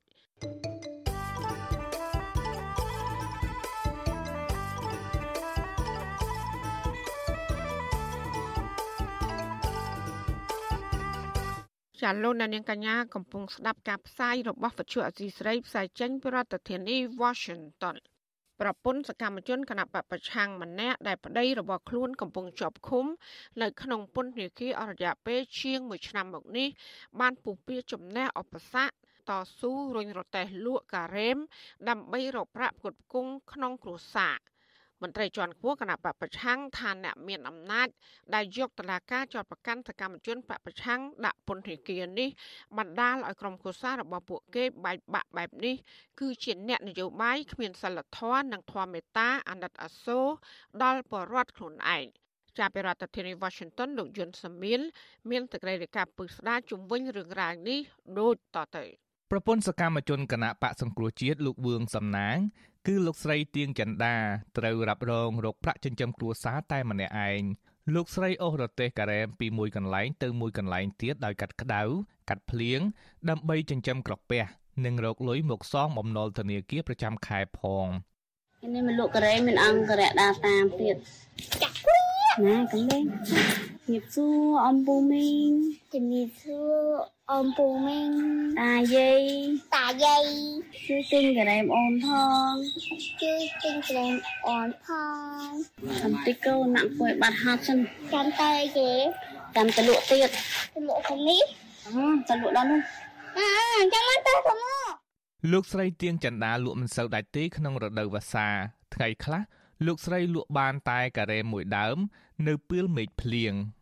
ហើយមិនយល់មេឃភ្លៀងទៀតហើយតែមិនចាញ់លក់ក៏បាន500ផងភ្លៀងទៀតហើយមេឃឯមេឆ្ងល់ដល់ហើយកង់ជាមួយតអ្នកលក់ការ៉េនឹងមើលទៅសកម្មជនគណៈបកសង្គ្រោះជាតិលោកវឿងសំណាងកំពុងជាប់ឃុំនៅក្នុងពន្ធនាគារព្រៃសរក្នុងសំណុំរឿងរួមគំនិតក្បត់តាក់ទងផែនការវិលចូលស្រុករបស់មេដឹកនាំគណៈបកសង្គ្រោះជាតិតុលាការក្រុងភ្នំពេញកំពុងបើកសវនាការជំនុំជម្រះរឿងក្តីលោកវឿងសំណាង ថ្នាក់ដឹកនាំនិងសកម្មជនគណៈបកសង្គ្រោះជាតិផ្សេងទៀតជិត40នាក់បាន3លើកមកហើយតុលាការចោទប្រកាន់ថាសកម្មជននយោបាយរូបនេះបានចូលរួមប្រព្រឹត្តបទល្មើសរួមគំនិតតាមរយៈការបង្ហោះសកម្មភាពតាមបណ្ដាញសង្គម Facebook ទោះបីយ៉ាងណាលោកវឿងសំណាងបដិសេធថាលោកមិនបានប្រព្រឹត្តបទល្មើសអ្វីនោះទេ លោកត្រូវសមត្ថកិច្ចខ្មែរនិងថៃចាប់ខ្លួនកាលពីថ្ងៃទី9ដុល្លារឆ្នាំ2021លោកវឿងសំណាងកាលពីមិនទាន់ជាប់ឃុំ ក្នុងអំឡុងពេលដែលលោកភៀសខ្លួននៅប្រទេសថៃលោកតែងឆ្លៀតពេលធ្វើសំណង់ដើម្បីរកប្រាក់ផ្ញើទៅប្រពន្ធនៅស្រុក ដើម្បីជួយបង់លុយដែលពួកគេចំពាក់ធនាគារងាកមកប្រពន្ធលោកវឿងសំណាងវិញលោកស្រីទៀងចន្ទាក្នុងវ័យ33ឆ្នាំកំពុងចិញ្ចឹមកូនស្រីម្នាក់ អាយុ7ឆ្នាំដែលកំពុងរៀនថ្នាក់ទី1រយៈពេល1ឆ្នាំនេះលោកស្រីទៀងចន្ទាត្រូវទូរែករកប្រាក់តែម្នាក់ឯងដើម្បីទ្រទ្រង់ជីវភាពគ្រួសារទាំងមូលលោកស្រីត្រូវសងបំណុលធនាគារជាប្រចាំខែជាង1លាន2សែនរៀលឬជាង300ដុល្លារត្រូវរ៉ាប់រងការហូបចុកប្រចាំថ្ងៃនិងលុយឲ្យកូន រួមទាំងត្រូវផ្ញើលុយឲ្យប្តីប្រើប្រាស់ក្នុងពន្ធនាគារ ពី20ម៉ឺនរៀលទៅ30ម៉ឺនរៀលក្នុងមួយខែ ហើយខែខ្លះលោកស្រីត្រូវដើរខ្ចីលុយបងប្អូន ដើម្បីបង្គ្រប់បង់លុយដែលជំពាក់ធនាគារមុខរបរវាតិចតួចប្រាក់ចំណូលវាអត់គ្រប់នឹងប្រាក់ចំណាយអញ្ចឹងវាពិបាកដោយសារខ្ញុំត្រូវចំកូនខ្ញុំត្រូវចំប្តីក្នុងពន្ធនាគារខ្ញុំត្រូវបង់លុយធនាគារដែលខ្ញុំជំពាក់ទេអញ្ចឹងវាពិបាកវាអត់គ្រប់ហ៎បងពីការទៅដល់ថ្ងៃបង់យើងសុំពជាពេលធនាគារ អត់ទាន់មានលុយគ្រប់ហើយទៅស្ចៃគេស្ចៃលិចស្ចៃកើតឥឡូវស្ចៃនឹងចង់វ៉ាន់កអស់ហើយហើយមិនទាន់មានលុយសងគេផងលោកស្រីទៀងចន្ទាប្រាប់ថាកូនស្រីតែងសួររកឪពុកប៉ុន្តែលោកស្រីលួចសម្រក់ទឹកភ្នែកនិងកុហកកូនស្រីថាប្តីលោកស្រីពេលនេះកំពុងធ្វើការលោកស្រីឲ្យដឹងថាពេលសមត្ថកិច្ចបញ្ជូនប្តីលោកស្រីមកតុលាការទាំងដៃជាប់ខ្នោះ កូនស្រីលោកមិនដឹងថានោះជាខ្នោះទេ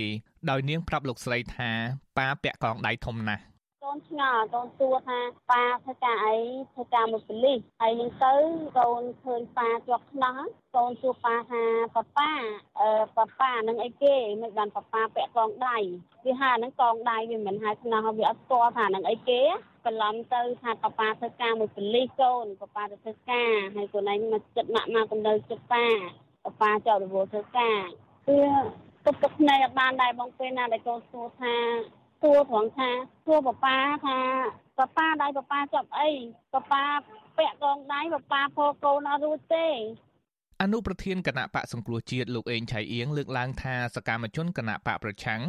ដែលមានទស្សនៈមិនស្របនឹងរដ្ឋាភិបាលតែងតែត្រូវសមត្ថកិច្ចចាប់ដាក់ឃុំទាំងអយុត្តិធម៌ លោកបន្តថាការឃុំខ្លួនសកម្មជនគណៈបកប្រឆាំងទាំងនេះធ្វើឲ្យប៉ះពាល់ដល់ជីវភាព និងក្តីសុខគ្រួសាររបស់ពួកគេទាំងមូល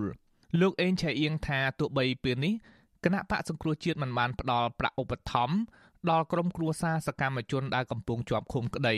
ប៉ុន្តែក៏មានពលរដ្ឋខ្មែរនៅក្រៅស្រុកបានឧបត្ថម្ភប្រាក់ដល់សាច់ញាតិអ្នកជាប់ឃុំខ្លះដែរគឺអ្នកអស់នឹងអត់មានទោសកំហុសទេគាត់គ្រាន់តែការបញ្ចេញទស្សនៈបញ្ចេញគំនិតសម្ដែងការគ្រប់គ្រងគ្រប់គ្រងអ្នកប្រឆាំងមានទស្សនៈមិនស្របរហូតសែនទេគឺត្រូវបានគេចាប់យកទៅដាក់ឃុំយ៉ាងអយុត្តិធម៌ណាហើយការឃុំខ្លួនអ្នកទាំងអស់នឹងវាមិនមែនត្រឹមតែឃុំខ្លួនគាត់ម្នាក់ទេស្មើនឹងឃុំគ្រួសារគាត់ទាំងមូលព្រោះពួកគាត់ជាអ្នកដែលមានគេថាមានកាតព្វកិច្ចក្នុងការដោះស្រាយជីវភាពគ្រួសារដល់ពេលគាត់ជាប់ឃុំទៅគឺគ្រួសារគាត់ក្រុមគ្រួសារគាត់ភរិយាគាត់កូនគាត់គឺជួបការលំបាកមែនទែន ពាក់ព័ន្ធការធ្វើទុកបុកម្នេញសកម្មជនគណៈបកប្រឆាំងនេះដែរអ្នកនាំពាក្យគណៈបកប្រជាជនកម្ពុជាលោកសុកអេសានថាសកម្មជនដើរតាមនយោបាយលោកសំរងស៊ីជាក្រុមឧទាមក្រៅច្បាប់ ហើយរដ្ឋាភិបាលមិនអាចលូកដៃចូលកិច្ចការតុលាការបានទេ អាហ្នឹងអត់មានបន្ទោអ្នកណាទេគឺបន្ទោអ្នកជនដែលពិរុទ្ធជននឹងឯងពួកគាត់អ្នកធ្វើគាត់អ្នកទទួលផលអាហ្នឹងមិនមែនទទួលផលខ្លួនឯងគាត់តែជាប់ពន្ធនាគារទេរហូតទៅដល់ជាអតិពលលំបាកវេទនាដល់ក្រុមគ្រួសារទៀតយើងខំធ្វើសកម្មភាពបំរើ នយោបាយរបស់ក្រមឧទាមក្រៅច្បាប់ទោះបីមន្ត្រីគណៈបកកណ្ដាលអំណាចអះអាងថាការចាប់ខ្លួនសកម្មជនគណៈបកប្រឆាំងជាការអនុវត្តច្បាប់ក្តី ប៉ុន្តែអង្គការសង្គមស៊ីវិលជាតិនិងអន្តរជាតិមើលឃើញថាការចាប់ខ្លួននិងការចោទប្រកាន់លើសកម្មជនគណបកប្រឆាំងទាំងនេះមានចរិតនយោបាយអ្នកនាំពាក្យសមាគមការពារសិទ្ធិមនុស្សអាត6លោកសង្សានករណាសង្កេតឃើញថាចាប់តាំងពីមានចំនួននយោបាយរវាងគណៈបកកណ្ដាលអំណាចនិងគណៈបកប្រឆាំងតឡាការបានចោទប្រកាន់ថ្នាក់ដឹកនាំ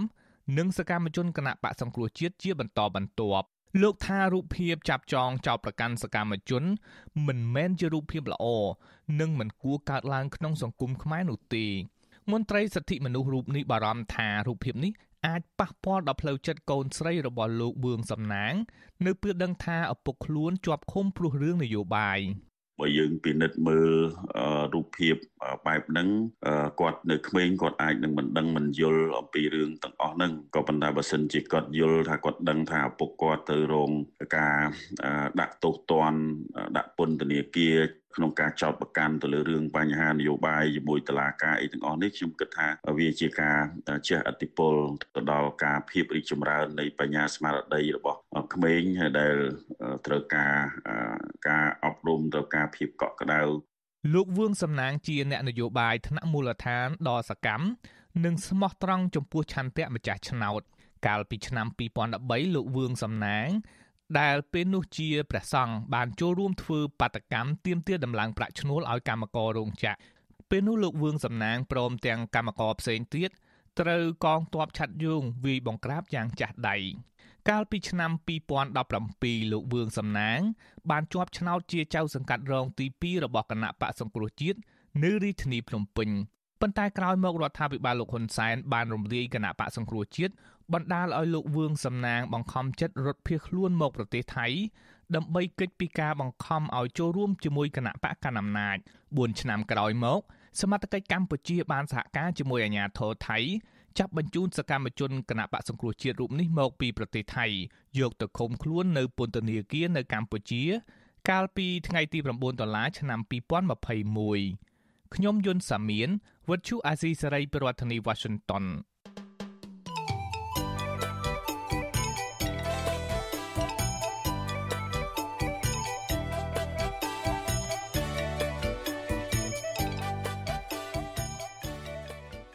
ចាលោកនាងកញ្ញាជាទីមេត្រីវិបត្តិនយោបាយនៅប្រទេសមីយ៉ាន់ម៉ាឬភូមា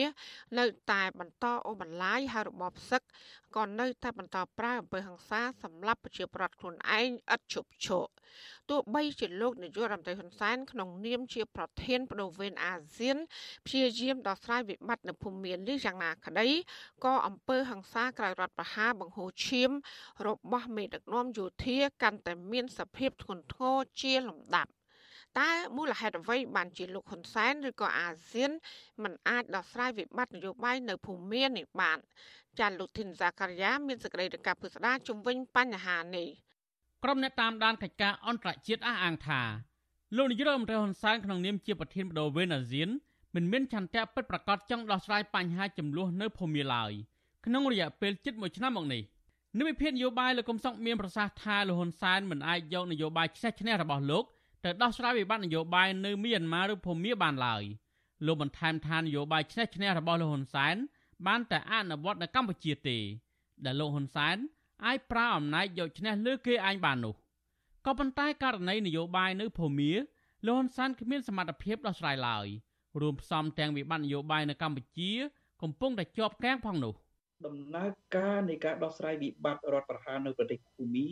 លោកហ៊ុនសែនដែលជាប្រធានអាស៊ានទៅអត់រួចទេព្រោះទី1សមត្ថភាពរបស់គាត់ មិនកម្រិតអន្តរជាតិហើយទី2គាត់គ្មានមុខមាត់ក្នុងនាមជាមេដឹកនាំម្នាក់ដែលអាស៊ានឲ្យតម្លៃផងហើយទី2ដំណោះស្រាយរបស់លោកហ៊ុនសែនដោយដែលខ្ញុំបញ្ជាក់អំបញ្ញមិញអញ្ចឹងគឺយកផលប្រយោជន៍នៃនយោបាយផ្ទាល់ខ្លួនធ្វើជាមូលដ្ឋាន ជាជាងប្រើគោលការណ៍អាស៊ានជាចាំបាច់មេដឹកនាំកម្ពុជាលហ៊ុនសែនបានធ្វើជាប្រធានបដូវវេនអាស៊ានចាប់តាំងពីខែមករាឆ្នាំ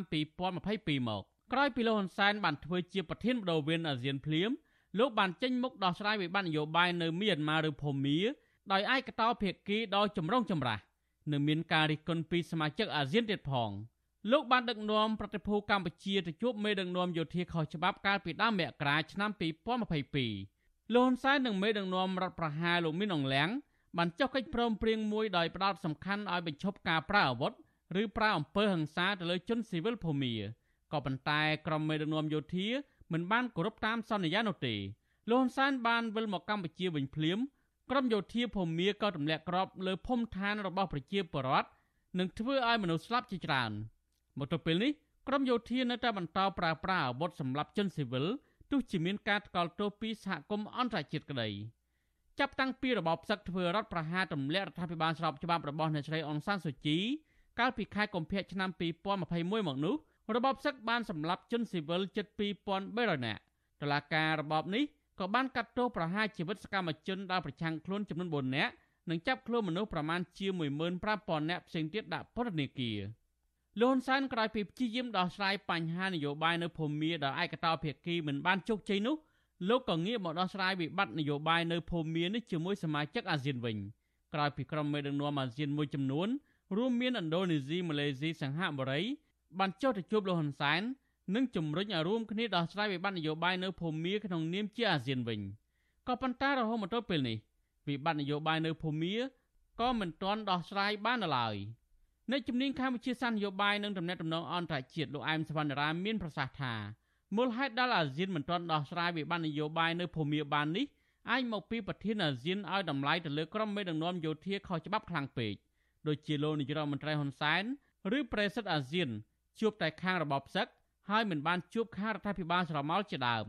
ដើម្បីស្វែងរកការចរចានោះ យើងឃើញយន្តការជាច្រើនដែលយើងធ្វើទៅវាហាក់ដូចជាមិនទទួលបានជោគជ័យទេការខិតខំរបស់កម្ពុជាក៏ប៉ុន្តែកត្តាគន្លឹះមិននៅសិនលើការខិតខំរបស់កម្ពុជាទាំងស្រុងទេប៉ុន្តែកត្តាគន្លឹះគឺអាស្រ័យទៅលើអាស៊ានឬក៏កម្ពុជាដែលជាប្រធានអាស៊ានហ្នឹងឲ្យតម្លៃខ្លាំងពេកទៅលើរដ្ឋាភិបាលយោធារដ្ឋាភិបាលឡើងដោយរដ្ឋប្រហារដោយសារតែអាស៊ានកន្លងមកមិនបានស្វាស្វែងខិតខំទៅជួបភាគីរដ្ឋាភិបាលរួបរวมជាតិរបស់ ភូមិទេរដ្ឋាភិបាលស្រមោលដែលជាប់ឆ្នោតដោយស្របច្បាប់មកហើយរដ្ឋាភិបាលយោធាឡើងធ្វើរដ្ឋប្រហារជាជាកិច្ចការមួយដែលធ្វើឲ្យរដ្ឋាភិបាលយោធានោះហាក់ដូចជាទាត់ចោលនៅភាគីរដ្ឋាភិបាលស្រមោលទាំងស្រុងទាក់ទងនឹងបញ្ហានេះនៅក្នុងជំនួបជាមួយប្រធានក្រុមរក្សាអឺរ៉ុបនៅក្នុងទីក្រុងញូវយ៉កនេះឱកាសលោកហ៊ុនសែនដែលចូលរួមប្រជុំមហាសន្និបាតអង្គការសហប្រជាជាតិលើកទី77នោះលោកហ៊ុនសែនហាក់ទទួលស្គាល់អំពីបរាជ័យលើការដោះស្រាយវិបត្តិនយោបាយនៅភូមា លោកបានបញ្ជាក់ថាក្នុងនាមលោកជាប្រធានបដូវេនអាស៊ាន គឺមានបញ្ហាប្រឈមច្រើន ដោយសារស្ថានភាពតំបន់និងពិភពលោក ជាពិសេសដូចជាបញ្ហានៅមីយ៉ាន់ម៉ានេះជាដើមទោះបីជាបែបនេះក្តីលោកហ៊ុនសែនបដិញ្ញាថានឹងព្យាយាមខិតខំដោះស្រាយទោះជាមានការលំបាកយ៉ាងណាក៏ដោយរីឯនៅក្នុងជំនួបរវាងលោកនាយករដ្ឋមន្ត្រីជប៉ុនកាលពីពេលថ្មីថ្មីនេះវិញលោកហ៊ុនសែនក៏លើកពីបញ្ហាភូមិជាមួយមេដឹកនាំជប៉ុនដែរ លោកហ៊ុនសែនថានឹងស្វែងរកដំណោះស្រាយនយោបាយនៅមីយ៉ាន់ម៉ានិងបញ្ហាសមុទ្រចិនខាងត្បូងជាដើមការលើកឡើងរបស់លោកហ៊ុនសែននេះនឹងស្របពេលអាស៊ាននឹងបើកកិច្ចប្រជុំកំពូលនៅក្នុងខែវិច្ឆិកាឆ្នាំ2022ខាងមុខទោះបីជាយ៉ាងនេះក្តីលោកកឹមសុខអះអាងថាលោកហ៊ុនសែនគ្មានឆន្ទៈពិតប្រាកដក្នុងការដោះស្រាយវិបត្តិនយោបាយនៅភូមិនេះឡើយដោយសារតែលោកហ៊ុនសែនជាគំរូមេដឹកនាំរដ្ឋប្រហារអចិន្ត្រៃយ៍នៅក្នុងតំបន់អាស៊ានស្រាប់ទៅហើយនោះ វារឿងរហូតទៅដល់លោកហ៊ុនសែនមានបំណងមានបំណងរហូតទៅដល់បង្កើតគំរូរដ្ឋាភិបាលរដ្ឋប្រហារមួយឲ្យអាស៊ានទទួលស្គាល់ទៅទៀតត្រង់ណា នៅត្រង់ថាប្រទេសសមាជិកអាស៊ាននានាសោះអង្គើយណាស់ហើយនឹងប្រឆាំងជាចំហផងអ្នកខ្លះ រដ្ឋាភិបាលខ្លះរដ្ឋាភិបាលខ្លះបើទោះបីជាមិនប្រើពាក្យប្រឆាំងជាចំហក៏ប៉ុន្តែមិនពេញចិត្តទាល់តែសោះចំពោះពួករដ្ឋប្រហារយោធានៅប្រទេសភូមាក៏ប៉ុន្តែលោកហ៊ុនសែនបែរទៅជាព្យាយាមឲ្យអាស៊ាននឹងអញ្ជើញក្រុមមេដឹកនាំរដ្ឋប្រហារយោធានៅប្រទេសភូមាឲ្យចូលរួមប្រជុំស្មើមុខស្មើមាត់គេទៅវិញត្រង់ហ្នឹងដែលខ្ញុំតែងតែលើកឡើងថាលោកហ៊ុនសែនចង់បង្កើតគំរូរដ្ឋប្រហារមួយនៅតំបន់អាស៊ានឲ្យអាស៊ានទទួលស្គាល់អញ្ចឹងហើយបានជាវាស្ទះទៅដល់ដំណោះស្រាយនានា អ្នករាយការណ៍ពិសេសអង្គការសហប្រជាជាតិទទួលបន្ទុកផ្នែកសិទ្ធិមនុស្សប្រចាំនៅប្រទេសមីយ៉ាន់ម៉ាបានថ្លែងពីទីក្រុងហ្សឺណែវប្រទេសស្វីសកាលពីពេលថ្មីថ្មីនេះថាមេដឹកនាំរបបផ្សឹកលោកមីនអងឡាំងកំពុងតែរៀបចំផែនការចង់បោះឆ្នោតคล้ายៗនៅឆ្នាំក្រោយដើម្បីឲ្យរដ្ឋាភិបាលរបស់លោកคล้ายទៅជារដ្ឋាភិបាលស្របច្បាប់អ្នករាយការណ៍ពិសេសអង្គការសហប្រជាជាតិរូបនេះប្រមានប្រទេសជាសមាជិកអាស៊ានថាប្រសិនបើអាស៊ាន មិនមានចំណាត់ការណាមួយជាក់លាក់លើក្រុមមេដឹកនាំយោធាភូមាទេនោះអំពើហិង្សាសម្រាប់ជនស៊ីវិលនៅភូមានៅតែបន្តក្រៅពីនេះលំហូរជនភៀសខ្លួនភូមាទៅប្រទេសជិតខាង រួមទាំងអាស៊ានផងកាន់តែច្រើនថែមទៀតក្រុមអ្នកតាមដានកិច្ចការអន្តរជាតិលើកឡើងថាប្រសិនបើរបបសឹករៀបចំការបោះឆ្នោតខ្លាំងបន្លំនៅឆ្នាំក្រោយមែននឹងធ្វើឲ្យប្រទេសពីរទៀតនៅក្នុងតំបន់គឺកម្ពុជានិងថៃនឹងទទួលបានផលចំណេញផ្នែកនយោបាយដោយសារតែប្រទេសទាំងពីរនេះ មានលំនាំនយោបាយប្រហាក់ប្រហែលនឹងភូមាដែរមេដឹកនាំយោធាថៃលោកប្រយុទ្ធច័ន្ទអចារ្យធ្លាប់បានធ្វើរដ្ឋប្រហារទម្លាក់អ្នកស្រីយីងឡាក់ចេញពីរដ្ឋាភិបាលស្របច្បាប់រីឯលោកហ៊ុនសែនវិញធ្លាប់បានរំលាយគណៈបកសង្គ្រោះជាតិកាលពីឆ្នាំ2017បន្ទាប់មកលោកបានរៀបចំការបោះឆ្នោតដោយគ្មានវត្តមានគណៈបកប្រឆាំងដើម្បីឲ្យលោកមានឱកាសដឹកនាំប្រទេសមកដល់សពថ្ងៃទោះបីជាយ៉ាងណាទូនាទីរបស់លោកហ៊ុនសែនជាប្រធានបដូវវេនអាស៊ាននេះ នឹងបញ្ចប់នៅចុងឆ្នាំ2022ហើយបញ្ហាវិបត្តិនយោបាយនៅភូមានឹងធ្លាក់លើដៃឥណ្ឌូនេស៊ីជាអ្នកដោះស្រាយបន្តក្រោយពីឥណ្ឌូនេស៊ីទទួលធ្វើជាប្រធានបដូវវេនអាស៊ានបន្តពីលោកហ៊ុនសែននោះខ្ញុំធីនសាការីយ៉ាអស៊ីសេរីប្រធានីវ៉ាស៊ីនតោន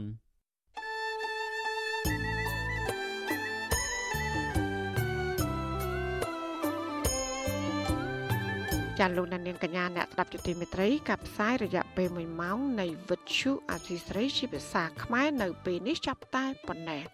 ចាយើងខ្ញុំទាំងអស់គ្នាសូមជូនពរលោកនាងព្រមទាំងក្រុមគូសាទាំងអស់សូមជួបប្រកបតែនឹងសេចក្តីសុខសេចក្តីចម្រើន ជានិរន្តរ៍